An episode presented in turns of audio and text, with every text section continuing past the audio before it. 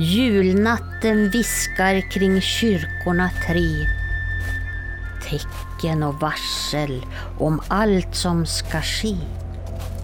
Följen passerar, en likfärd till häst. Kistan står öppen med döden som gäst. Men synen blir kort och bryts i all hast. Marken den skälver i glödande kast. Gloson, hon rusar med huvudet sänkt. Klövarna skrapar i ångande stänk. Håll benen i kors, ta inte ett kliv. Ryggborsten skär som den vassaste kniv. Förtrollningen bleknar, en glimt utan svar. Tiden får visa vem döden bedrar.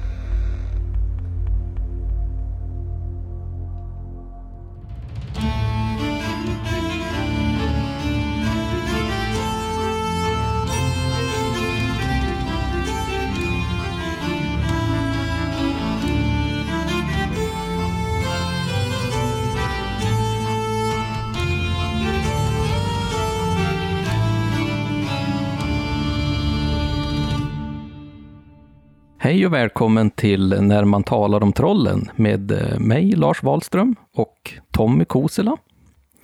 Hej Tommy! Hallå där, hej! Idag ska vi eh, prata om ett specifikt djur. Eh, och det här är ju ett djur som har följt oss genom tiderna i ända sedan stenåldern nästan. Och det är grisen. Så att under den tiden har det ju vuxit fram många myter och sägner kring just detta stora svin. Och eh, här i inledningen så hade vi ju en liten eh, text av eh, Sara Boström faktiskt, som har skrivit den. Där man får lära sig hur man ska skydda sig mot glozon. Vad är glozon för någonting? Ja, gloson är ju som, i det, som du beskrevs här, det är ju ett slags vidunder, ett, ett, ett spöksugga skulle jag säga. Oftast är den knuten till vinterhalvåret och till en tradition som kallas för att gå årsgång. Det här var liksom det största hindret. Och vad är då årsgång kan man ju fråga sig? Jo, det är en, en slags divinationsritual. Man kunde alltså eh, genom att utföra, som man skulle fasta, Eh, låt sig gärna sitta i ett mörkt rum, kanske en källare eller liknande och inte titta in i en eld, eh, så skulle man då på julnatten eller nyårsnatten, ibland till och med midsommarnatten, så skulle man gå till socknens kyrkor, tre, sju eller nio, det är olika. Och så skulle man gå runt dem där. Men och gjorde man det här så blir man också hindrad av de övernaturliga väsena. Så det kan vara alla möjliga saker som kommer, både som är farliga och som försöker få en att skratta, för då är ju allting lönlöst om man börjar skratta. åt eh, och sen är det oftast på vägen tillbaka när man då får de här hindren. Och det största hindret av alla var just gloson eller glufsoen eller glupsuggan. Hon hade många namn. Känd då från södra landskapen i Sverige. Så att, eh, det, det, är alltså en jättestor gris då, som rusar mot den här årsgångaren, som kunde vara både en han eller hon, alltså årsgångaren. Och eh, Glosen försökte komma mellan benen på personen. Och då, då, fanns det två saker som kunde hända. Det ena var att den, hon kunde klyva personen i två delar. Den andra var att man liksom blev fast på hennes rygg och red iväg på en slags vansinnesfärd och kunde hamna i en, i en annan del av landet. Så att man, och I vissa fall så innebar det också döden. Så att det, det är väl korta drag av vad gloson är. Eh, mm. Men det är ju alltid en hon. Det, det ingår ju här också so i sugga, alltså i, i namnet, i benämningen här hur ser hon egentligen ut? Vi fick en liten inblick i just den här inledande texten, men hon har väl ett speciellt utseende också? Ja, alltså det, det finns eh, många sätt att beskriva henne på. Jag har sett många varianter på gloson. Men oftast är det som en stor sugga. Eh, som färgen kan vara vit, svart, någonting annat. Eh, och eh, oftast är att det brinner så att säga ur hennes ögon och ur munnen. Mm. Och att, just, att ryggen, borsten är som ett sågblad eller någonting. Som just gör den här farligheten, kan klyva en person i två delar. Så det är väldigt, väldigt vass eh, borst på ryggen. Så det är, det är väl det som är mest utmärkande nästan för gloson. Sen är ju årsgångstraditionen i sig ju känd sedan 1600-talet i Sverige, från Småland. Eh, men då, i tidigaste så nämns ingen gloson, utan hon kommer ju senare in. I den äldsta eh, uppteckningen som, i en, i en eh, bok som heter Småländska antikviteter, av en som heter Rudbeck. Här i så beskrivs istället den här hindret, den sista, det är ju liksom en ryttare som kommer. Med eld runt huvudet på hästen och sådär. Och den här ryttaren är ju ingen annan än Oden. Och då är, håller den här ryttaren, ja han håller en slags runkavle som man då ska eh, försöka övervinna från, från honom.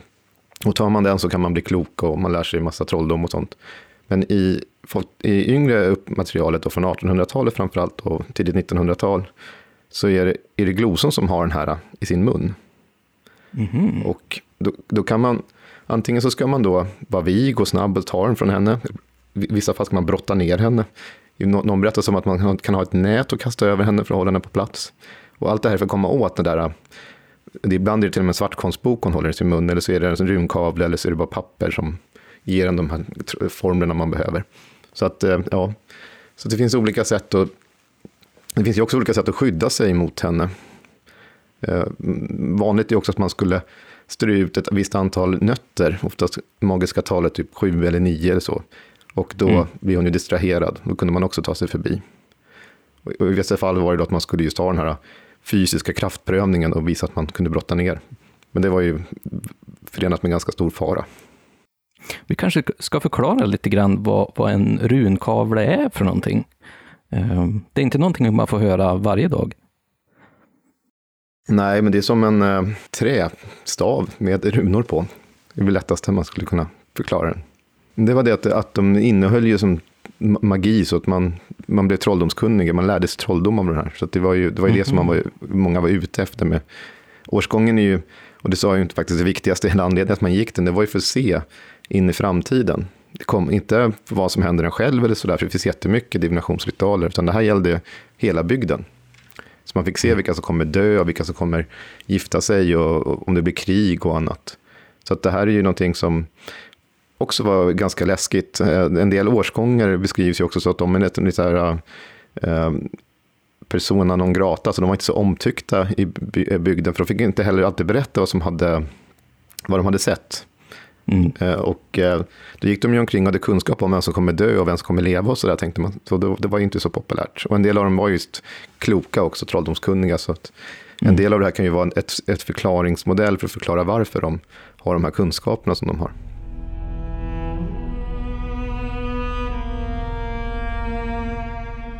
Gloson. Henne var alla rädda för. Den suggan var lika stor som vägen var bred. Kroppen var täckt av en kraftig borst. Hennes skap var rött och ögonen sprutade ut eld. På midsommarnatten brukade människorna förr gå på midsommargången. Det gjorde de för att de skulle få se och veta vad som skulle komma att hända under nästa år. Men det kunde vara riskfyllt. För det var då hon, Gloson, kunde komma rusande.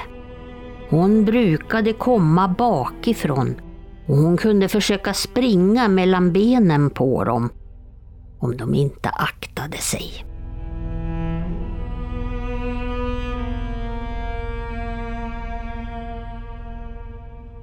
Det där är ju en text ifrån Nydala i Småland. Den är lite intressant för där pratar de ju om eh, midsommargången. Mm. Inte den här årsgången. Eller kunde man gå årsgång på flera tider på året? Eller varför just midsommar? Jo, men det är de här eh, tiderna på året som liksom någonting gammalt övergår till nytt, kan man säga. Och midsommar är en kraftladd, är också en laddad natt som inte minst spådom och sånt var väldigt eh, vanligt. Vi, idag har vi ju kvar saker och ting med blommor under kudden och sånt som faktiskt är en liten rest av midsommarnattens eh, speciella ja, magi, magiska föreställningar om den. Så att jag tror nog att många som lyssnar här har plockat blommor någon gång och lagt under huvudkudden i hopp om att kunna drömma om sin tilltänkta. Men det, det, det är därför, och eh, det är midsommar eh, julen, nyår och i vissa fall några andra dagar, sådana här kalenderdagar. Men det vanligaste är egentligen att det är vinterhalvåret och inte på midsommar. Däremot midsommargång är något som finns just i Småland beskrivet på några håll. Men det är vanligare mm. just med, med eh, julen annars. Det är klart, midsommar kan man ju också vara öppet sent på natten och eh, då är det ju inte så omöjligt att få träffa gloson. Nej, och det här är ju det som är spännande med Eh, grisarna, just för att de gick ju i regel löst. Alltså vi pratar inte övernaturliga grisar, utan de här kanske mer som människorna hade som födde upp grisar. Ollonsvin och sånt där som också gick i skogarna och bökade fritt. Och som vi vet så blir ju faktiskt eh, grisarna väldigt stora. Och suggorna, inte minst, kan vara väldigt aggressiva om de, de har kultingar. Och i en, i en, del fall faktiskt, till och med med gloson, så har de faktiskt kultingar med sig. Och då kan man ju undra sig om inte det här är någon som har stött på en sån här eh, helt eh, överraskad någonstans eh, i, i mörkret. Och sen kommer då gloson med sina små kultingar efter. Och, då, ja, då, och sen tänker jag som eh, barn då, om man hör det här så måste det vara oerhört läskigt. Ja, det är ju en ganska förskräcklig varelse. Det är ju, det är ju en av de få riktigt farliga väsen som vi har i, i folktron åtminstone. Ja, det finns ju, just när det gäller glosan så finns det ju ingenting, alltså ingen så här mittemellan vad jag kommer på nu, utan det är ju nästan bara att hon är farlig och man ska undvika eller ja, nu kan man, man ska ju ta någonting av henne i en del fall, men annars är det ju just att hon är just den här farliga och nästan vill döda personen, klyva henne i två mm. delar. Då. Jag tänkte på någonting annat med henne, nu vi ändå pratar om läskiga saker och, och gloson, så är det någonting som, jag har sett den, i alla fall på en bild på nätet, men inte i verkligheten än, men att det här är ju väldigt fascinerande tycker jag, att många av de här farliga, läskiga väsena har liksom gullifierats eh, i modern tid. Det här känner jag igen, inte minst när jag varit i Japan, när de liksom gärna tar folktroväsen, yokai, och sen så gör de gulliga figurer, de jättesöta kawaii-figurer sen. Men det, det, finns även här i Sverige då, då är det ju eh, i, jag vet inte vart någonstans i Skåne, men man kan köpa eh, gloson som nalle. Jaha. Och det är fascinerande, ja. Det är, en, det är en ganska vanlig företeelse faktiskt, att, att eh, de här väsena, oftast som man använt i var, varnande syfte och uppfostrande syfte, att de har gullifierats. Eh, mm. Jag vet inte om det kan vara en koppling till att de har vävts in i sagor där de förvandlas till något annat än vad de är ursprungligen i sägnerna. Ja, den har de ju tappat sin funktion som de hade på det sättet, alltså mm. en gång i tiden. Idag är det ju mer att det är, man, man tar det till sig, tycker om det, det är en del av historien, någonting som man liksom eh, lyfter upp istället. Man är inte rädd för gloson idag. Nej. De flesta i alla fall. Nej. Eh, och eh, därav blir det ju lättare. Samma sak är det med tomtar också som nu finns liksom överallt, små tomtefigurer och även en del gulliga figurer på gårdstomtar. Det har ju även då Jenny Nyström och sånt där som tecknade. Eh, det, hon kan väl stå för sin tids nästan populärkultur. Och jag vet att forskare, jag skrev nyligen en artikel om tomtar som var 1921 var lite förbannad på den tiden att, att tomten redan hade fördärvats tyckte han då. För att folk hade den här Jaha. gulliga eh, bilden av tomten. Så ja, det, det, ja, saker och ting går fort. Det, det, kan man ju faktiskt ta åt sig själv. Det gör ju kanske vi, oss, vi på Oknytt också oss skyldiga för eh, många gånger. Eh, och det är ju oftast att man inspireras av andra, eh, man inspireras av sagorna. Eh, mm. För att det är lite det man har vuxit upp med eh, under de här generationerna i alla fall. Gloson, eh, brukar hon ofta vara så här knuten till eh, olika ritualer? Ja, det, är, det, är, det är årsgången som där. Men sen finns det ju strödda uppteckningar av möten med gloson som ju inte har någonting med årsgång att göra. Men det kanske är den tiden på okay. året hon råkar stöta mm. på. Mm. Så hon är ett väsen bland många då. Men det intressanta med just gloson och alla de här benämningarna som finns, det är ju att eh, det är ju någonting som just hör till de södra landskapen. Alltså, det. Ja, det, det, det, finns strödda eh, uppteckningar där de nämner gloson även upp till Uppland och eh, Värmland och sådär. Men då tror jag att faktiskt en del meddelare då har blivit eh, inspirerade av kanske Hultén Cavallius kända bok om Värend och Virdane i, i Småland, som var väldigt mm. populär. Och, och då egentligen har andra spökvisar som vi kommer att prata mer om, men det finns ju spöksvin från hela, hela landet. Och alla, är- ja, alla är ju inte gloson. Gloson är ju liksom, precis som du säger, väldigt lokaliserad i södra delen av Sverige. Finns det någon anledning till det? Ja, det är ju en, sån, det är en muntlig tradi- berättartradition som ju förmodligen har haft ett kärn, kärnområde där. Och sen har det spridit sig i närliggande landskap med människor och sådär. Så att jag tror det har mycket med det att göra, för att det finns ju andra figurer som är mer lokala på andra håll i landet. Jag menar, du har ju på Gotland har ju Bysen exempelvis, den är ju inte någonting som man pratar om i, i, i, ehm, i Skåne, utan det är ju någonting som hör Gotland till. Och Vittra hör ju till Norrland så att säga, så att det är ju jag tror, att, jag tror att det är så man får se det eftersom spöksvin finns överallt. Och jag tror också där man ser mycket koppling till vilda svin på det här sättet så är ju också områden eh, där man haft mycket mer svinuppfödning. Som mellersta och södra Sverige. För Norrland var det inte så mycket av den varan.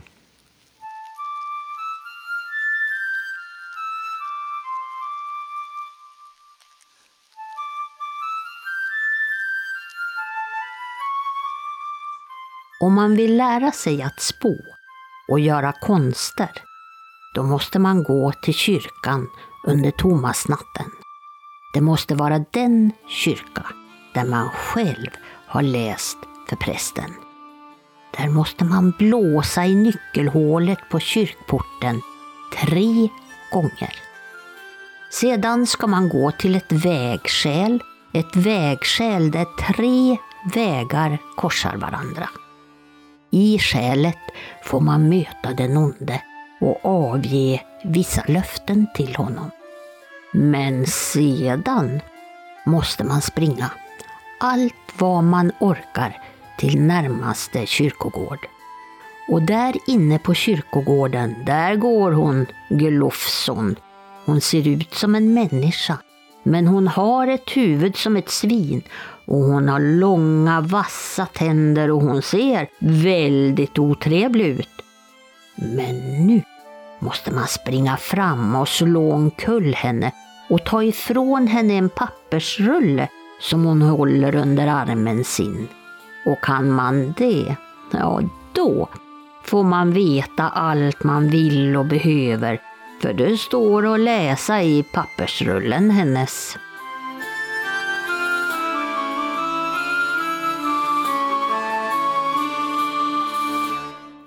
Den här är en text ifrån eh, Blekinge. Eh, som både jag och- Eva här som läste in den tyckte var väldigt rolig. Det finns mycket spännande i just den här texten. Ja, det är väldigt mycket detaljer. Vi får ju det här eh, tretalet, är ju återkommande i den här och det är ju ett magiskt tal. Du har ju korsvägar, alltså det- är ju också någonting som hör till, till trolldom och magi, alltså det är en sån plats man tänkte sig. Gärna om den ena vägen leder till kyrkogården. Och du har den här pappersrullen som innehåller det här magiska då. Men sen framförallt tyckte jag, den här är ju väldigt spännande för att den har en väldigt annorlunda beskrivning av gloson. Mm. Det är så, så att det ser ut som en människa, fast som ett grishuvud. Det roliga var faktiskt att i England på mitt, eh, för första hälften av 1800-talet så fanns det en sån här eh, kvinna i Manchester, tror jag det var, som skulle vara en sån pig lady, alltså med grishuvud. Men eh, fakt, faktiskt det, och nu är nästan kanske eh, händelserna i förväg här, men eh, för det här så har jag, tittade jag runt lite grann om det fanns någon creepypasta om eh, svin, grisar. Mm. Och då Just fanns det. det. någonting som hette Go- Ghost Pig. Och den, den, den Ja. nästan beskrivs, den är amerikansk, men den beskrivs ju så här. Den har ju fångats på bild då, sägs det. Så att, Mm. eh, jag har sett den här förvridet ansiktsform som påminner om en gris, fast med människokropp nästan. Och så ser jag ögonen som liksom är ena över det andra, liksom, så den ser väldigt galen ut. Men det, den är ju Ghost Pig just, och det är ju lite grann så hon beskriver gloson här, känner jag. Mm. Av minusbetarna då, för att de är ju de som är de riktigt farliga eh, attributen hos svinen annars överhuvudtaget. Mm. Det är ju en, en ganska vanlig, eh, vanligt förekommande eh, framställning av när man vill visa någonting som är väldigt skräckinjagande och det är att man har en människogestalt som det är någonting fel på. Och i det här Mm. fallet att det är ett grishuvud, det är ju liksom extra hemskt. Ja, Och det är ju som du säger, det är ju väldigt spännande att se då att det har liksom överförts i, i eh, moderna, i stort sett moderna sägner. ja, alltså ja, det finns ju ganska mycket i populärkulturen också där det liksom är grishumanoider. Mm. Inte minst tänker jag Star Wars, eh, de här uh, kejsarens är det, vakter, de här stora gröna grisarna. Precis, precis. Jag minns, eh, jag vet inte vad de heter, men de, de står ju där med sina yxor och ska vara någon slags kejsarsvakt eller någonting. Ja. Och det finns ju andra, det, det finns ju en känd Ghibli-film som heter Porco Rosso som också är en gris som flyger. Mm. Mm. Och uh, ja, det finns ju en del dataspel där också, sådana här grisfigurer som har gjorts väldigt förmänskligade då. Så det, det, är ju populärt, men det är någonting med grisen, i, i grisens ögon och grisens... Uh, det är ett smart djur. Så mm. vi kanske, vi mm. ser ju som, med alla sådana här berättelser, alltså det är ju berättelser om människan själv i grund och botten, även de här övernaturliga. För alla typer av trosföreställningar och annat, det, är ju, det man kan utläsa det är ju om människan. Våra rädslor, förhoppningar och andra saker i det här. För det, det, är ju, det är ju väldigt intressant.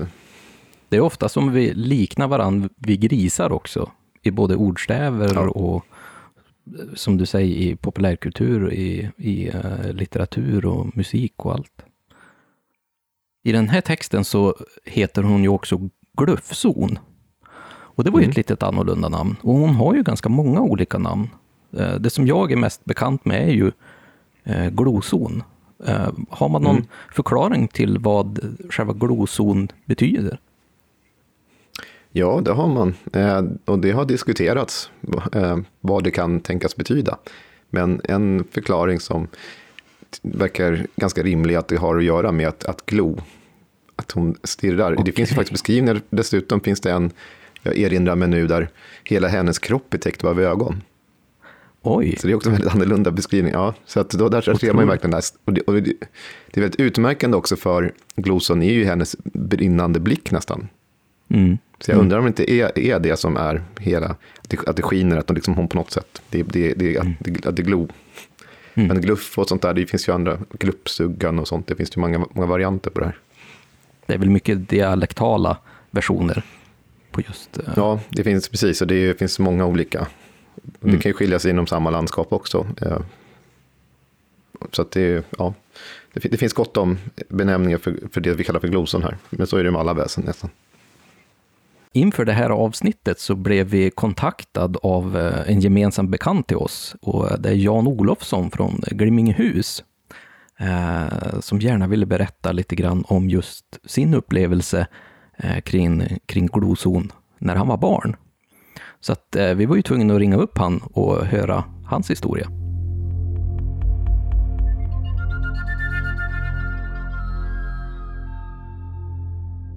Jan Olofsson heter jag då och eh, jobbar på Glimmingehus i Skåne. Glimmingehus är ju en medeltidsborg, mycket välbevarad sån, som man kan besöka större delen av året och de flesta kanske på sommaren. Så, eh, och jag är arkeolog i grunden, så det är min bakgrund. Och du har ju också en eh, lite speciell relation just till glozon. Du kanske skulle kunna berätta lite grann om det? Ja, jag har ju faktiskt det, hur konstigt den kan låta. Eh, jag är ju uppvuxen i sydöstra Småland, en liten bit utanför Kalmar i den delen. Och eh, jag växte upp i ett hem där man nog inte berättade så jättemycket berättelser och sägner och sagor och sådär. Men fram emot juletid sådär när det var mörkt ute och det började dra sig mot runt den 20 december och, och, och midvintersolståndet och det här.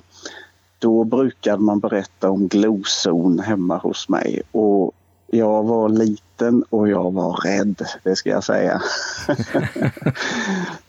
Hur beskrevs hon i de här berättelserna? Ja, eh, som hon beskrevs i mitt hem så, så var hon då stor och svart eh, och hade ett glödande gap där det brann en eld där inne. Och eh, det värsta med henne det var ju att hon hade långa vassa borst ut efter ryggen.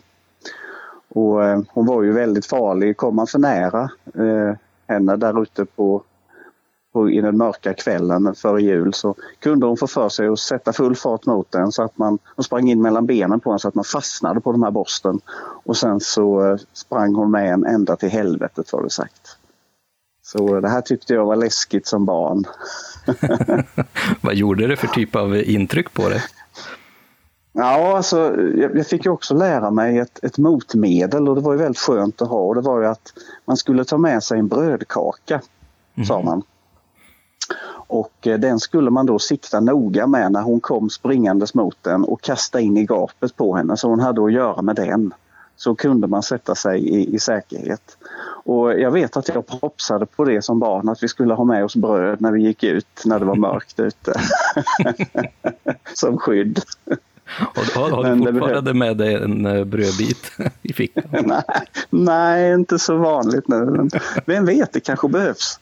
Vem vet? Vem Mm. vet? Och så, så hade hon ett annat namn ska vi säga eftersom det var i Småland så hette hon Gluppzon men det var ju ganska likt i alla fall. Gluppzon. Ja. Men jättebra. Tusen tack Jan. Ja. eh, För den här Tack själv. pratstunden. Så vi, fick vi lära oss en, en eh, äkta glosoberättelse också. Ja det är det faktiskt. Ja. Tack själv, tack så mycket. Tack, tack.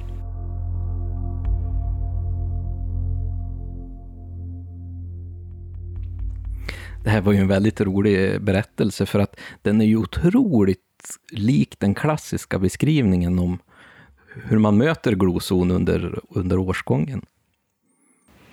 Ja, ja, du har ju nästan alla de här, nästan alla beståndsdelar i det han berättar här är ju, känner man ju igen från äldre tid. Och eh, det här var ju ett medel man skulle kasta då bröd till gloson, för att liksom hindra henne, eller i- det här läget var det ju att hon skulle bli upptagen och göra någonting annat som man skulle hindra därifrån då. Men det finns ju också sådana beskrivningar att man skulle kasta ut ett visst antal frön eller någonting annat som måste, det gäller många övernaturliga väsen överlag som måste liksom på något sätt räkna eller stanna upp med de där. Men Absolut kanske det vanligaste som jag inte nämnde tidigare, men det vanligaste sättet att skydda sig när någon kommer rusande, det var faktiskt att lägga benen i kors. Man ställer sig med benen i kors. Och det där är ju, det är ju korset som förmodligen ligger Mm. bakom här då, som du inte kan ge sig på. Så vet jag inte riktigt om man, är, om man är beredd att pröva om man nu skulle råka ut för ett våldsamt vildsvin eller sugga som kommer med brinnande gap så vet jag inte om man ställer sig där och kaxigt lägger benen i kors, ställer, dem i kors och hoppas på att de inte ska springa igenom. Det är väl om man får någon form av, um, vad heter um, björnfrossa, fast det blir någon form av svinfrossa istället. Då kanske man kan Ja, stå där precis. still. Och här, han beskrevs ju som svart också, Mm. eh, Gloson. Mm. Och det är intressant, för det är ju det är också återkommande i spöksvinföreställningar som vi ser i andra delar av landet. Eh, så att, eh, och det, det är också extra då läskigt kan man tänka sig i, i nattetid och sådär. Det är kanske bara nästan gapet och ögonen som egentligen lyser upp. när Någon kommer, så att ja. Det är skrämmande och det här var ju väldigt nära i tid i alla fall. Det var ju kul att höra att fortfarande eh, skrämmer barnen med gloson. Då. Ja, jag, jag, när han berättar den så kan jag ju faktiskt förstå att han blev väldigt eh, rädd när han var ute och det var mörkt eh, där på vinterkvällen. jag, jag har ju en egen erfarenhet av en argsint sugga. Jaså du? Ja, fast det var jag inte ute på några skånska slätten eller något sånt där, eller i Småland, utan det här var ju i, i utanför Stockholm någonstans. Som min, min, jag har bara svagt minne av det här, men min mor var, på någon sån här pettingzoo, eller vet jag, minizoo, som, Mm. eh, ja, det fanns kultingar och då skulle man klappa dem. Och eh, min mamma sa att det, en suggan kom rusande i full fart och var ag- väldigt aggressiv. Och jag var kanske fem, fyra, fem år gammal, men så gammal kom jag inte ihåg riktigt. Så hon fick rycka mig över staketet, för annars var den där på väg att hugga tag i mig. Så att, eh, och det sitter kvar. Ja, absolut, och det förstår jag. Och jag kan tänka mig också att många sådana här kanske historier är uppkommen just av att ehm, lösa grisar eller vildsvin som har sina kultingar ute är nog ganska aggressiv. Och att man då ska vara Mm. försiktig runt vuxna grisar som är ute i, i naturen. Idag i modern tid så har vi ju faktiskt någonting annat också. Som ju faktiskt är riktigt farligt och det är ju vildsvinen. De är ju Just det tillbaka Janne har verkligen eh, explosionsartat eh, förökat sig. Så att de, vet- de vet ju alla om att de kan man ju inte gärna gå och klappa deras kultingar om man ser vildsvin. Utan då gäller det att ta sig därifrån.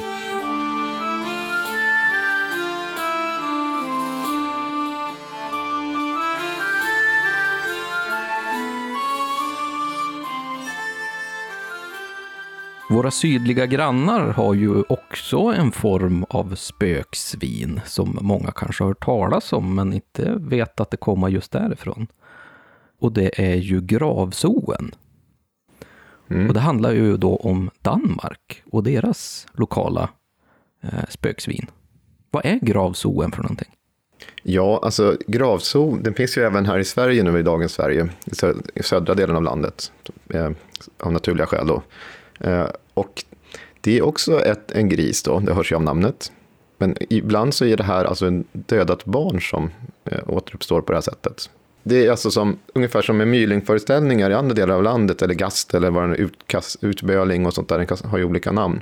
Då är det, den här tragiska att en mor inte kan behålla barnet av olika anledningar och då väljer att i lönndom göra sig av med fostret och gömma det i en liten låda eller någonting. Och då finns det sägner som berättar om hur en röst hörs under eh, golvet och sen gräver de upp där och ser de då i den där asken att det kanske där ligger den här skelettet. Men det som är speciellt nu med, med gravso det är att man kunde se på eh, skelettet att den håller, håller på att förvandla sig till en gris.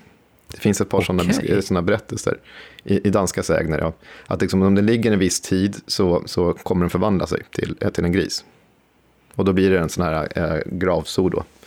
Det finns redan, och den här är intressant med gravso för att den är ju omnämnd redan på 1500-talet. Oj, det var väldigt långt tillbaka. Ja, det är långt tillbaka.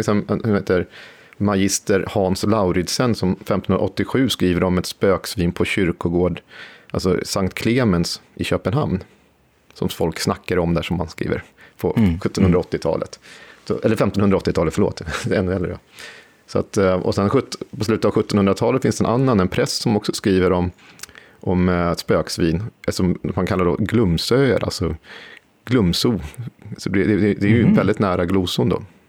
Mm. Men, men det är ju det som är intressant, är att de, de, de går liksom, nästan går in i varandra. I, Ja, vad är det för skillnad egentligen på eh, glozon och eh, gravzoen? ja, det är ju att gloson är ju inte ett barn som, som spökar. Och gloson har ju den här utmärkande den här på ryggen då. Men det kan även en gravso ha, så att det är inte helt lätt. Och sen hela orden ligger ju ganska nära varandra också. Mm. Så att det, ja, jag, tror inte, jag tror inte man alltid kanske var så himla eh, viktigt att dela upp det här. Som det, är- det, det, det är idag vi gör sånt. Sen finns det ju också en annan form som kan vara eh, ett svin också. Det är ett, är ett offer. Det sägs att när man, när man bygger en kyrka så ska det första levande som kommer få liksom den marken gåendes där. Det, det, det, om man dödar det och sen liksom gräver in det eller murar in det eller liknande så blir det en kyrkogrim. Mm, Och. I många fall så är det en häst eller någonting annat, kan vara en hund eller en höna. Och den här kommer sen då i all evig framtid vakta kyrkogården. Så kyrkogrimen är en som väktare av kyrkogården. Och det finns några exempel, särskilt faktiskt från Västergötland, om eh, grisar som, som, eh, som skyddar som, som kyrkogrim. Men det kan vara alla möjliga djur. Då, som, och här kan, kan det också i vissa fall komma in på den här årsgångstraditionen, för man ska ju ta sig till kyrkogården just. Och då kan det faktiskt bli att även en kyrkogrim kan försöka hindra eh, årsgångaren. Men det gäller ju även för gravplundrare och sånt också. Det är väl mycket det kanske de eh, har berättat sånt här för att liksom hålla, hålla borta eh, gravplundrare som faktiskt var ett rejält hot. Far berättade att han en gång hade sett något väldigt konstigt. Han hade varit ute och färdas efter vägen. Och rätt som det var så fick han se en hel rad grisar springa framför sig på vägen. Och de var med honom ett långt stycke. Men plötsligt var de alldeles tvärt borta. Det var helt tyst och inget ljud hördes. Det var nog ett spöke. Det var ju en torsdagnatt. Och då kan man ju få se sånt styggt, ja om man inte är för rädd förstås.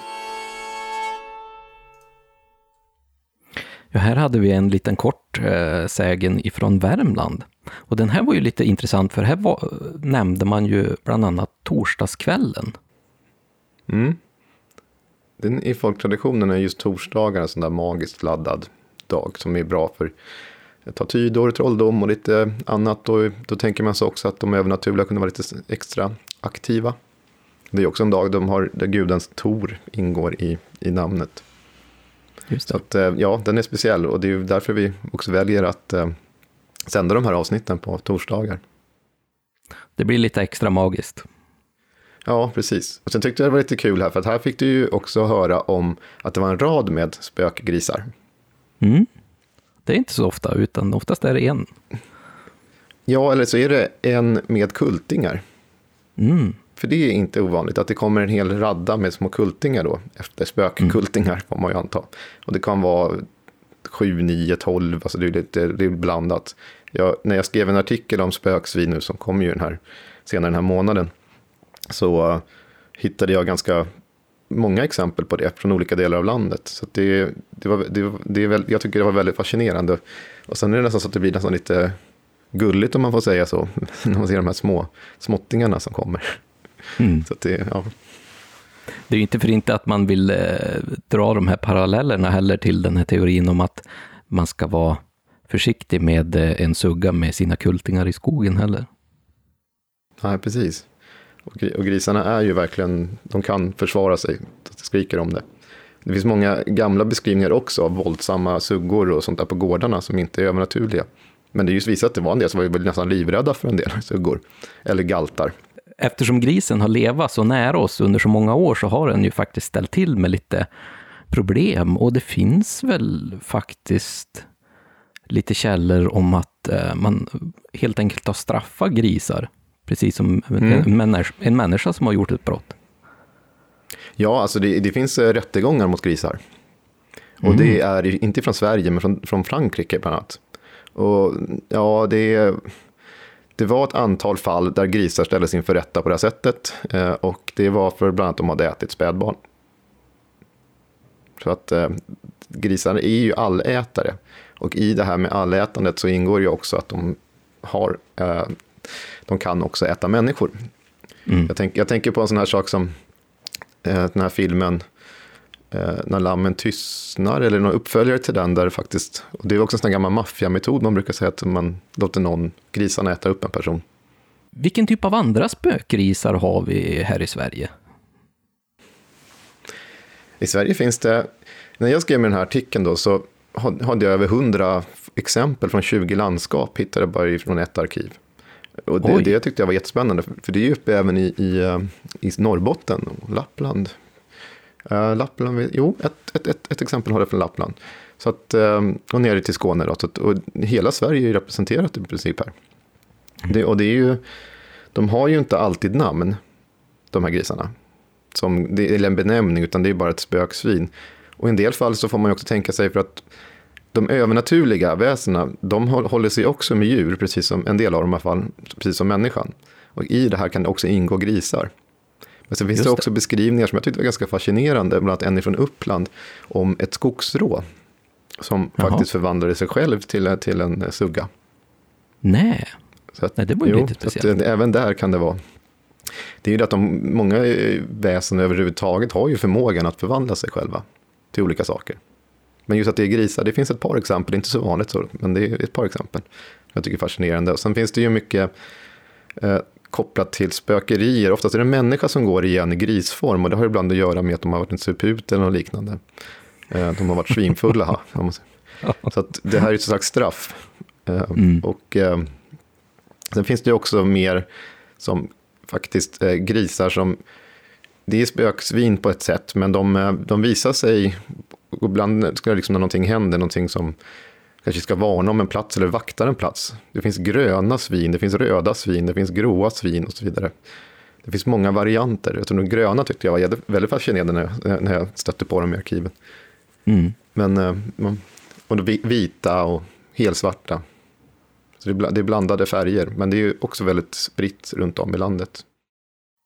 Den här beskrivningen av, av gloson, att hon är en stor sugga med sylvassa borst och, och glödande ögon och, och det brinner när hon springer med sina klövar. Är det någonting som är mest lokaliserat till södra Sverige och sen får de en annan gestalt längre upp norrut? Alltså liknande motiv, vad man brukar säga, finns ju även på något annat håll eh, norrut i Sverige. Men jag tror att det är mer att, är ibland att det brinner, men det kan ju även gälla i vissa fall en hund. Alltså mm. här, det finns ju också hundar som visar sig som kan också ha brinnande runt munnen och sådär. Men det finns ju även faktiskt en suggor, från Östergötland bland annat så har jag stött på ett exempel där den är huvudlös. En huvudlös okay. Eh, sugga som springer. Eh, som också visar sig. Sen är det ofta så att när de ser den så är det liksom oftast kvällstid, skymning och de är, Eh, de är på väg någonstans och blir skrämda av det här. Det är inte alltid att, det är, att eh, de blir angripna av de här svinen heller.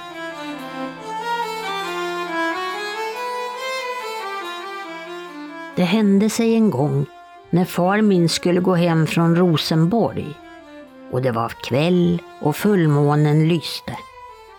Då kom det en stor sugga fram mellan själva gården och uthusen. Det var ingen vanlig sugga. Hon var helt röd. Och det fanns inga röda svin på Rosenborg inte. Och hon var så stor så hon var nästan dubbelt så stor som en vanlig sugga. Och far min, han sa alltid att det där som han mötte, det var nog en spöksugga det. Ja, här hade vi ju ett bra exempel på, faktiskt från Värmland igen, eh, på en färgad gris. En, en röd mm. sugga. Ja, de kunde ju vara färgade på olika sätt, grön eller röd eller någonting. Det, det, det är väldigt effektfullt. Grisen eh, framställs ju inte bara i våran folktro och eh, våran kanske lite modernare sägner, utan vi kan väl spåra grismyter också eh, i vår nordiska mytologi.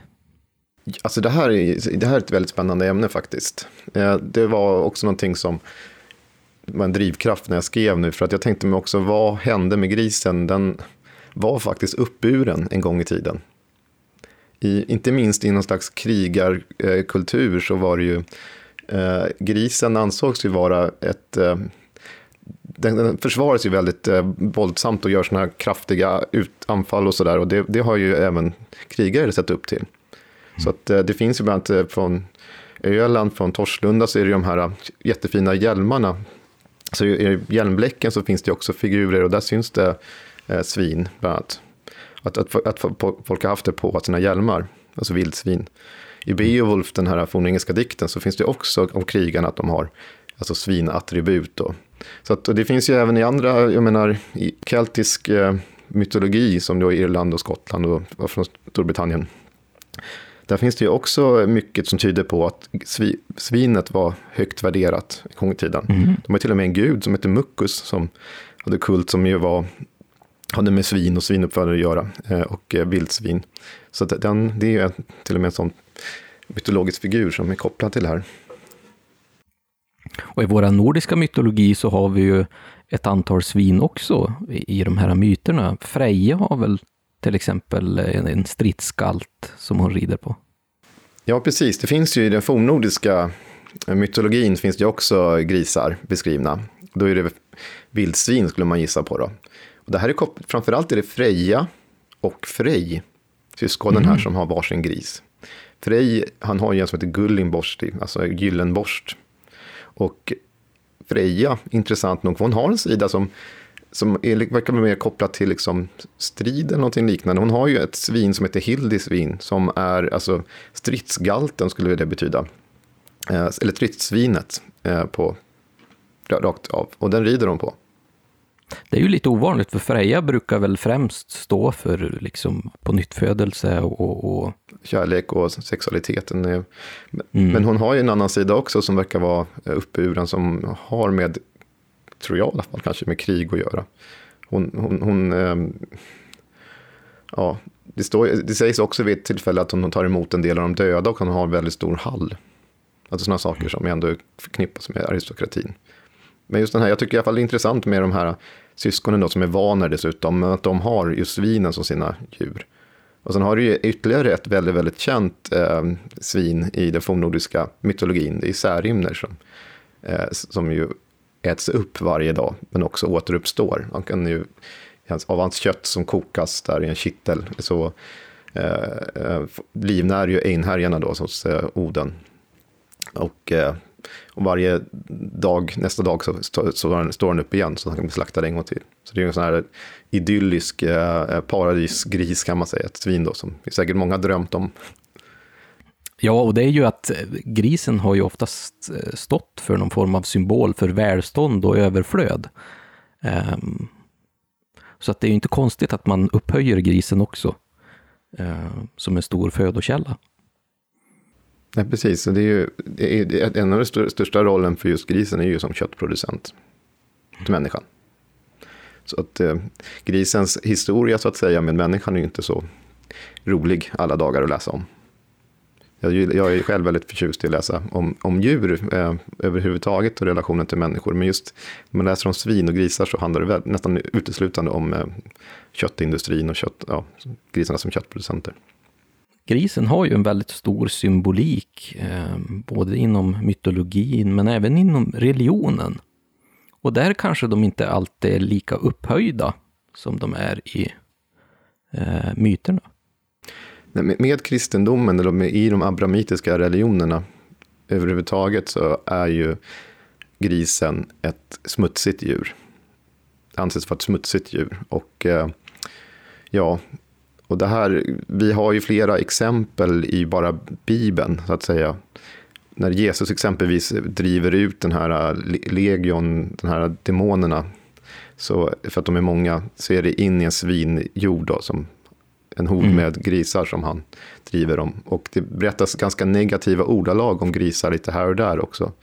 I bland annat Lukas så kan vi läsa att eh, en liknelse där, om den förlorade sonen, där Jesus berättar om en man som förnedras genom att bli svinaherde efter att ha förlorat mm. sitt faders arv. Så det är en förnedring där. Alltså. Så där, där mm. syns det ju också att grisen har... Då finns det den här som jag sa om när, när Jesus fördriver de orena andarna in i en svinjord.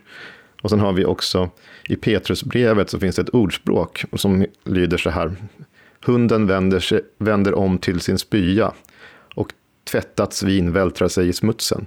Så har vi två djur ja. som direkt får väldigt fula, eh, negativt. Och det här har ju också, eh, ja, det här med svinjorden, det, det har också varit populärt predikoexempel tydligen i, i Sverige också. Mm. Så att gris, alltså den negativa grisbilden har ju kommit in och inte minst har den ju via kyrkan då också. Så det, det, det är ju fascinerande. Även heliga Birgitta har också kritiserat i en del biskopar och präster som hon uttryckligen då har liknat vid svin.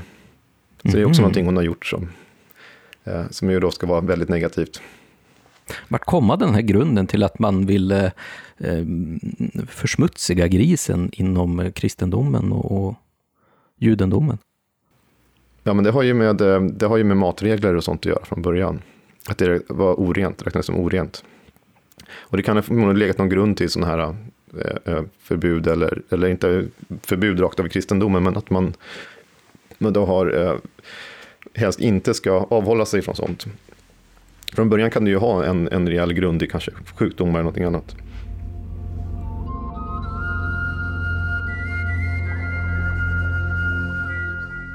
Ja, det hände sig i Eds socken. Det var på den tiden då gamle korpralen Rud bodde där.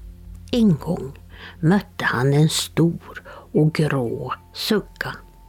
Det var i den där eh, brantbacken upp till prästgården.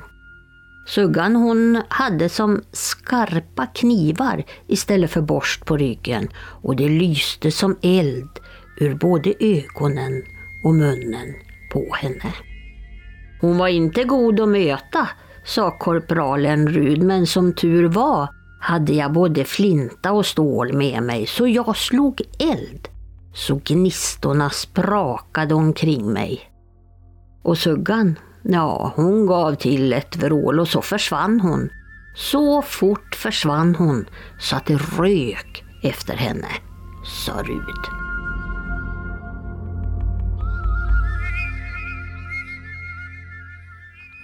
Här är en liten text ifrån Dalsland det här var ju lite spännande för att här pratar man om ett speciellt skyddsmedel. Eh, mm. Han hade stål och lite flinta med sig.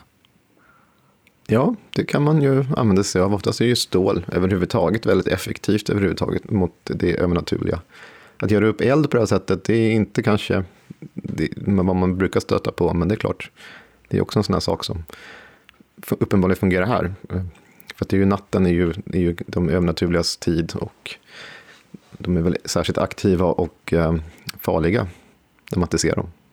För det, eh, jag tycker att det är väldigt spännande. Sen är ju, man ser ju också den här skräckbilden eh, med hennes rygg med knivarna där, alltså knivbladen nästan på ryggen. Så det är ju återigen, och det, visst ligger det väl någonting i det, för de kan ha väldigt sträv borst, svinen. Mm. Så, så, och det här, om man förstorar det och gör dem ännu värre, det är klart att det, då, då får man något riktigt skrämmande vidunder, nästan ett monster. Ja, det är ju en ganska vanlig företeelse, eh, att man vill liksom förstora de, de eh, skräckinjagande egenskaperna. Och det ser man ju ofta inom populärkulturen och kanske främst då inom eh, skräckgenren. Då. Eh, det finns ju faktiskt några filmer, tyvärr så är de väl kanske lite B-filmer, sådana här skräck, eh, skräckfilmer, eh, där just antagonisten är en, en monstergris. Vi har ju bland annat den här Razorback från 1984 och så finns det ju en lite nyare variant som heter Boar från 2019 tror jag att det var. Men det finns också en koreansk film som heter Cho eh, från 2009. Eh, men mm. tyvärr så håller de ju lite samma halv-B-genre där. Eh, men de är roliga att se om man tycker om monstergrisar. Ja, det har jag faktiskt eh, inte sett. Eh, Razorback har jag sett, men inte de andra. För att det är kanske är någonting på att se-listan då.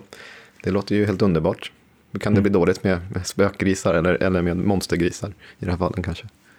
Men annars finns det ju svin i populärkulturen, eh, som vi var inne på lite grann tidigare. Men, men jag menar, det, det, finns ju monstergrisar även i äldre tid. I, i uh, antiken så pratas det om en hel del också. Och då är det ju vildsvin som, som uh, det handlar om. Det, mm. det, finns ju det finns två vildsvin. Jag tror den ena är sänd av en gudinna som, som straff för människan har gjort någonting dåligt så att hon blir arg och, och sänder ut en, ett jättevildsvin då. Och sen så finns det en annan som kanske är det mest kända. Det, det är det romantiska vildsvinet. Mm. Och, ja, det är kanske inte så många idag som, det ringer kanske inte så många klockor överallt, men eh, det var ju faktiskt, men alla vet ju om Herakles eller Herkules är. Och han skulle utföra ett, ett antal stordåd. Och ett av dessa stordåd var faktiskt att hämta hem det där eh, vildsvinet.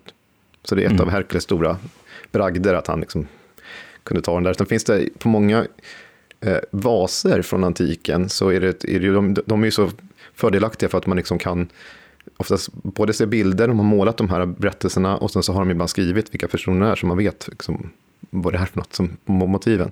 Och då, då finns det bilder när, han tar hem det där svinet till kungen som egentligen han ska ta det till. För han gömmer sig i en kruka.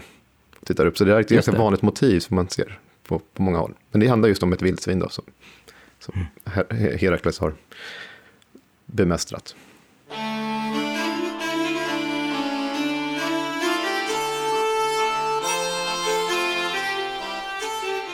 Mor min hon tjänade som ung på gästgivargården i Åsbro. De hade otur med kreaturen där. Så mor min hon blev skickad till han som kallades den kloke i Småland för att få hjälp. När klockan var vid fyra var hon kommen fram till Svartråskog. Och den är ju två mil lång. Men hon tyckte att det var så pass ljust fortfarande så hon inte behövde ta hus ännu. Mor min hon gick genom skogen och då kom hon en stor grå sugga, liksom upp ur jorden. Suggan gick vid hennes sida. Gick mor fort, då gick suggan fort. Och gick mor saktare, ja, då saktade suggan ner. Men plötsligt var det som om suggan försvann igen, tillbaka ner i jorden. Ja, den grymme, han kan då förskapa sig och visa sig som allt möjligt han.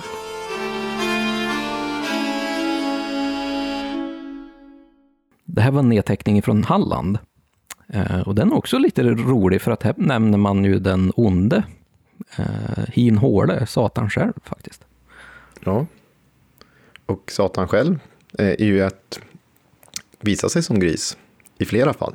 Det, det finns, Mhm. Jag har stött på flera berättelser när han, han väljer en sådan uppenbarelseform.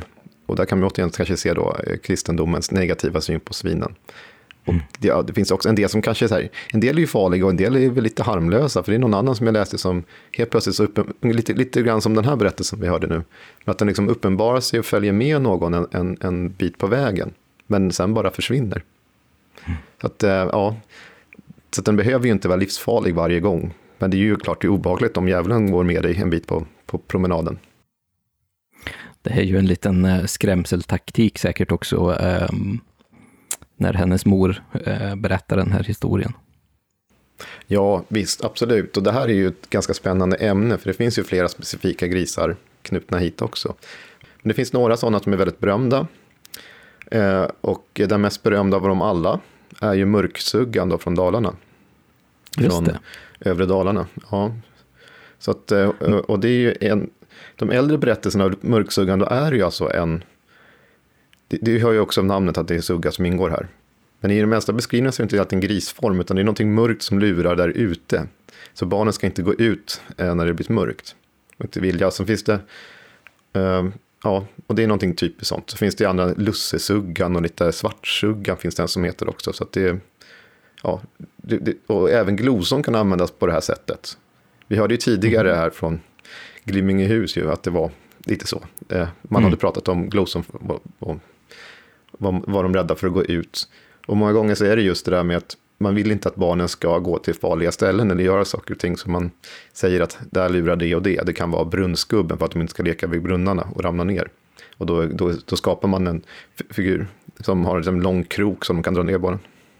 Jag tänkte nästan säga det att det är en väldigt vanligt förekommande att man använder många av våra väsen som eh, lite avskräckande exempel. Precis som du nämner här med, med brunnsgubben och källargubben och näcken till exempel, eller bäckahästen. Mm.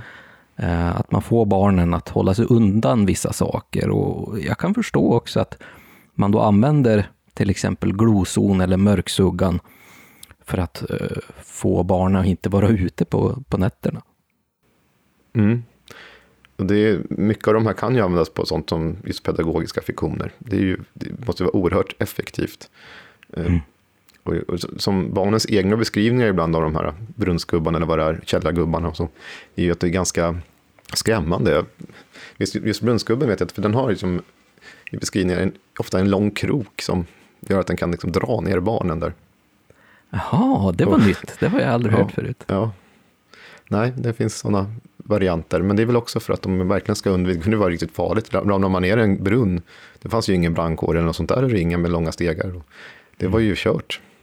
Jag minns min farmor brukar ofta köra med att eh, vi hon hade eh, källargubben eh, som var nere i källaren. Och det var en väldigt brant trapp ner, så jag förstår att hon använde det lite i förebyggande så att inte jag skulle gå dit och bli nyfiken.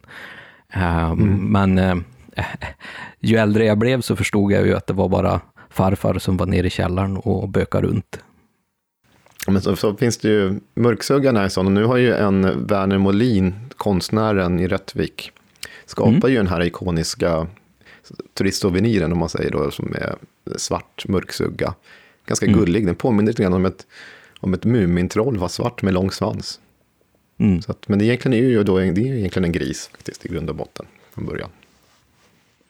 Det är ju också ett bra exempel på när man har, har um, förgulliga de här väsena lite grann.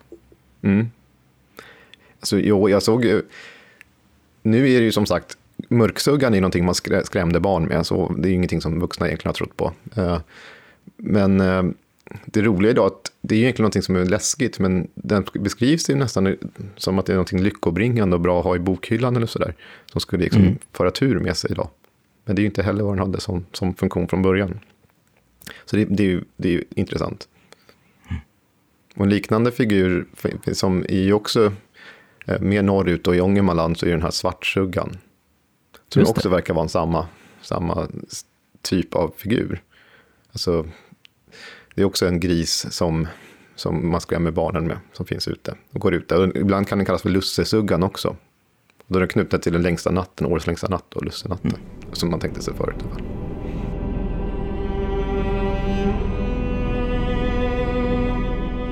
Ja, Lusse. Han stod bunden han hela året, utom på lössenatten. Under den natten red han på svartsuggan och använde ormar som tömmar. Gud nåde den som var ute den natten och inte kunde sin Fader vår eller syndabekännelsen. För då kan Lusse ta en.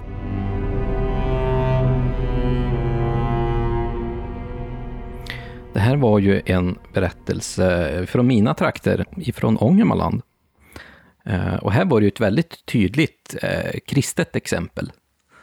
Precis som man ska skydda sig, du ska ju kunna dina böner och salmer, alltså salmerna då, ska du kunna. Och det är ju någonting som också går igen, för att möter man det övernaturliga, de här eh, makterna, olika slag, så är det just genom kristna, det är ju bästa vapnet man har mot mot dem. Att kunna mm. läsa upp psalmer eller annat, läsa bort dem. Så det, ja, det hörs ju klart och tydligt här. Det, och det finns också berättelser om spöksvin som skattväktare.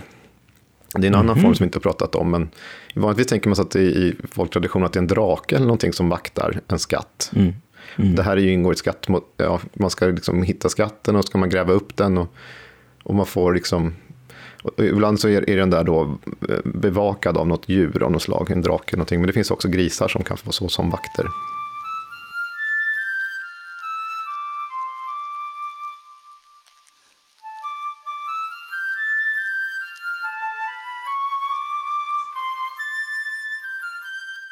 En av frågorna vi har fått i vår Facebookgrupp i eftersnack är ju, lyder ju till frågat av en Niklas här som undrar om det finns eh, någon koppling mellan gloson och, och de alltså hednagrisarna skriver han här då, alltså de förkristna.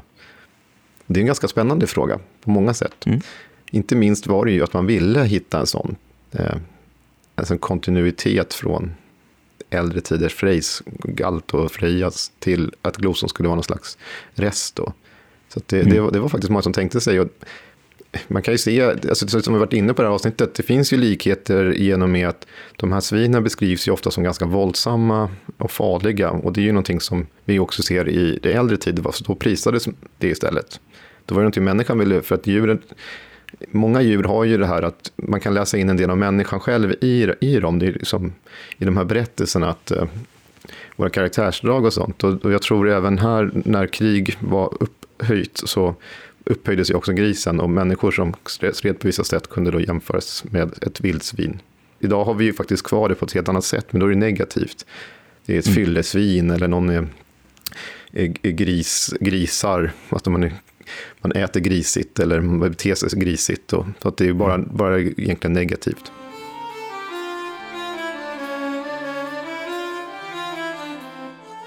Där i Kerstingärdsbacken, där fanns det en gris som flera var ute för. Ja, fagra Klara, hon blev då rakt sjuk när hon hade sett den där grisen och hon blev aldrig frisk efter det. Ibland hände det att skjutsarna blev stannande där och inte kunde komma fram. Men ingen har sett den där grisen sedan man tog bort storröset på åken där bredvid. Ja, det var väl en 35 år sedan. Det här var en text ifrån Västergötland och den här var ju lite rolig för att det här var det förknippad med ett röse. Ja, den, jag tycker den var väldigt bra för att den är ju också, här, här är ju, grisen är ju nästan tydligt en gast. Alltså det är ju en gengångare. Mm. Mm. Och den personen har förmodligen varit begraven där i röset. Det är så man tänkt sig. Så att den har ju hängt på vagnar, det är ju det vad gastar annars brukar göra. De hänger, hänger på eh, häst och vagn så man, och liksom hindrar hästarna från att komma fram.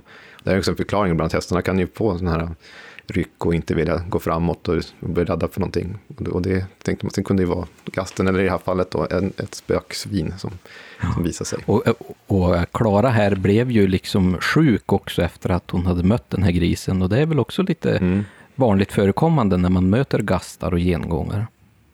Mm, precis. Det är ju att man kan bli gastkramad eller någonting annat. Man får liksom någon sjukdom i sig.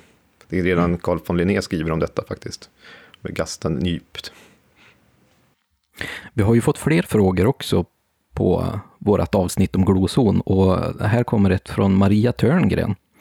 Hon frågar, går det att spåra några typiska teman i berättelserna? Vad tror du om det Tommy? Ja, det går det ju att göra. För att det går att dela upp de här spöksvinsberättelserna och då är det många som just handlar om, säg om att det är människor som spökar igen, då handlar det väldigt mycket om eh, moral och, och, och faktiskt eh, hur den personen var när den levde. Så det, det, är ju en, eh, en, en variant och då är det oftast en väldigt negativ bild av den här personen. Mm. Inte vem som helst som visar sig som ett svin efteråt. Det är ju liksom det mm. sämsta tänkbara nästan. och sen är det ju mycket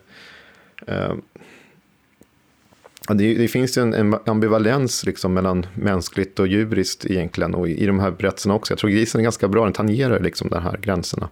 För mm. det mänskliga och djuriska. Eh, så att, jo, visst, visst gör det. Men det är olika. Och sen har du ju den här varianterna som också har grisen som en motståndare. Som i, i Kloson då, som st stora mm. hindret. Mm. Men det är en ganska stor fråga egentligen om man ska eh, då måste man nästan titta på specifika fall och, och lyfta fram vad de handlar om och titta på det, som, som jag delvis gör i min artikel i och för sig som kommer. Om man vill lära sig lite mer om, om spökgrisar och glozon, eh, har du något tips på, på bra litteratur?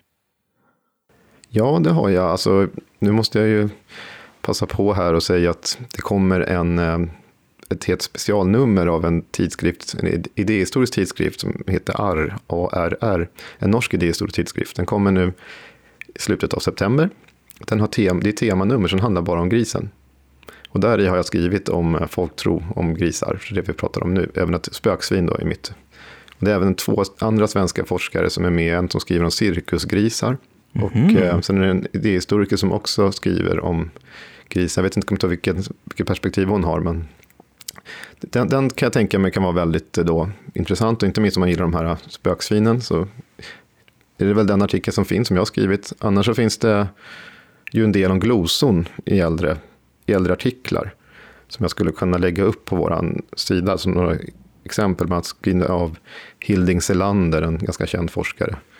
Och Carl Wilhelm von Sydow var också inne på det här. Eh, och sen finns det även har inte hans namn i huvudet här, men det är en tysk forskare som har skrivit på tyska en väldigt tjock bok om vildsvin och det symbolik i, i uh, det fornnordiska.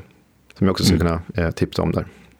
Annars så tyckte jag att det var väldigt, väldigt tomt på den här fronten. Det var därför som jag passade på att skriva den här artikeln om spöksvin.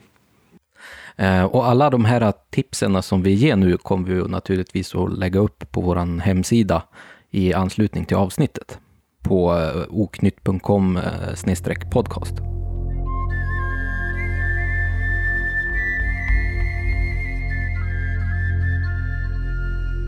När jag var ung bar jag ut Norrköpings tidningar på kvällarna.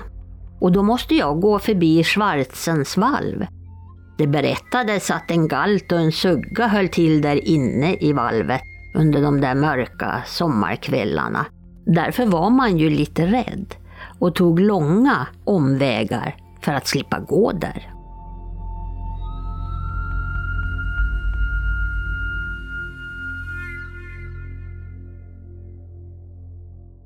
Det här var ju också en, en eh, text från Östergötland och här pratar man om två, två grisar, en galt och en sugga, eh, som var förknippad till en viss plats. Ja, det finns ju mycket, det finns ju berättelser om eh, särskilda platser som det är någon grisar. Och grejen, många i de här, det är ju inte helt klart vad det är för grisar och varför de är där och så. Det är, det som är, det är ju det som är skrämmande. Så att eh, jag tycker att den här är väldigt fin också. Den här visar på den här, man går omvägar kring en viss plats för att man vill undvika att springa på spöksvinet. Jag vet också att det finns berättelser där um, folk också menar på att vissa hus och sånt där är hemsökta fast av en gris som går och, och bökar och, och, i, i området och man gärna undviker det. Det är också folk som har berättat om sådant. Sen, sen är det här att eftersom grisar gick ju faktiskt eh, löst i stora delar av mm. landet. Mm. Inte i Norrland tror jag, där hade man en speciell, en annan, annan typ av uppfödning på grisar. Men just de här som är ollonsvin och sånt där som gick i skogarna, skogssvin, eh, de, är ju, de var ju nästan halvvilda. Mm. Det blir ju så att, eh, så att eh, det kan ju mycket väl vara en aggressiv gris som håller till på ett ställe och det kanske leder till att berättelserna liksom byggs på. Absolut, att, det tror jag vem, också. Vem vet, det kan ju... Och det hände ju att folk blev angripna av grisar också. Mm. Vad är det för någonting eh, hos eh, gloson och spökgrisar som fascinerar dig, Tommy? Det är nog svårt att... Jag vet faktiskt inte. Jag, tycker, jag tyckte bara att det var så... Liksom jag har forskat mycket om just det, årsgångstraditionen. Mm. Så ganska tidigt där så var ju det av naturliga skäl mycket gloson. Det blev mycket gloson. Och jag tyckte hon var så häftig. Jag tyckte det var så spännande och det var inget väsen som eh, var så särskilt känt. Det, det är inte... Nej, just det. De flesta andra vet ju många mycket om, men inte om gloson. Den är lite, mm. lite mystisk fortfarande, men det finns oerhört mycket berättat om gloson. Mm. Ja, jag tycker att gloson är ju lite speciell också, för att hon har en så unik beskrivning. Eh, att hon faktiskt beskrivs så pass eh, detaljerat. Eh, när man pratar till exempel om gasten eller gengångare så är det oftast lite vaga och det kan variera väldigt mycket. Men just gloson till exempel har ju en väldigt slående beskrivning och det passar oss väldigt bra när vi tar fram nya bilder till exempel för att man får ett väldigt bra karaktärsdrag och man får en bra bild om hur den här, det här svinet, den här suggan kan se ut. Så att eh, hon är väldigt fascinerande. Väldigt fascinerande. Mm.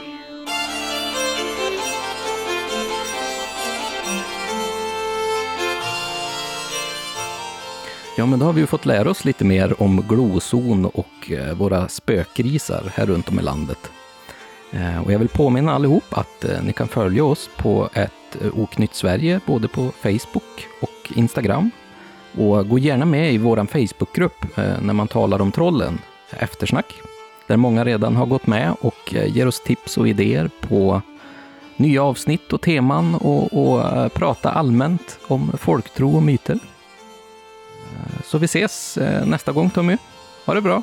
Ja, ja detsamma. Ha det bra. Tack, tack.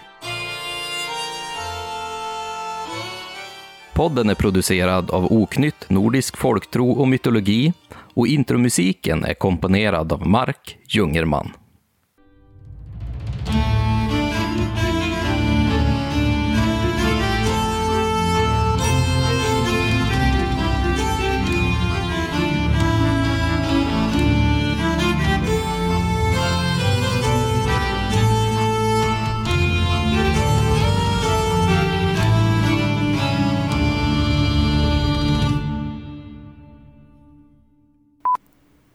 Vi har ju bland annat den här Razorback från 1884 och så har vi ju då kanske en lite nyare... Vad sa jag? Jag sa 1800? en gammal film. En jättegammal film. Den är svartvit. Ja.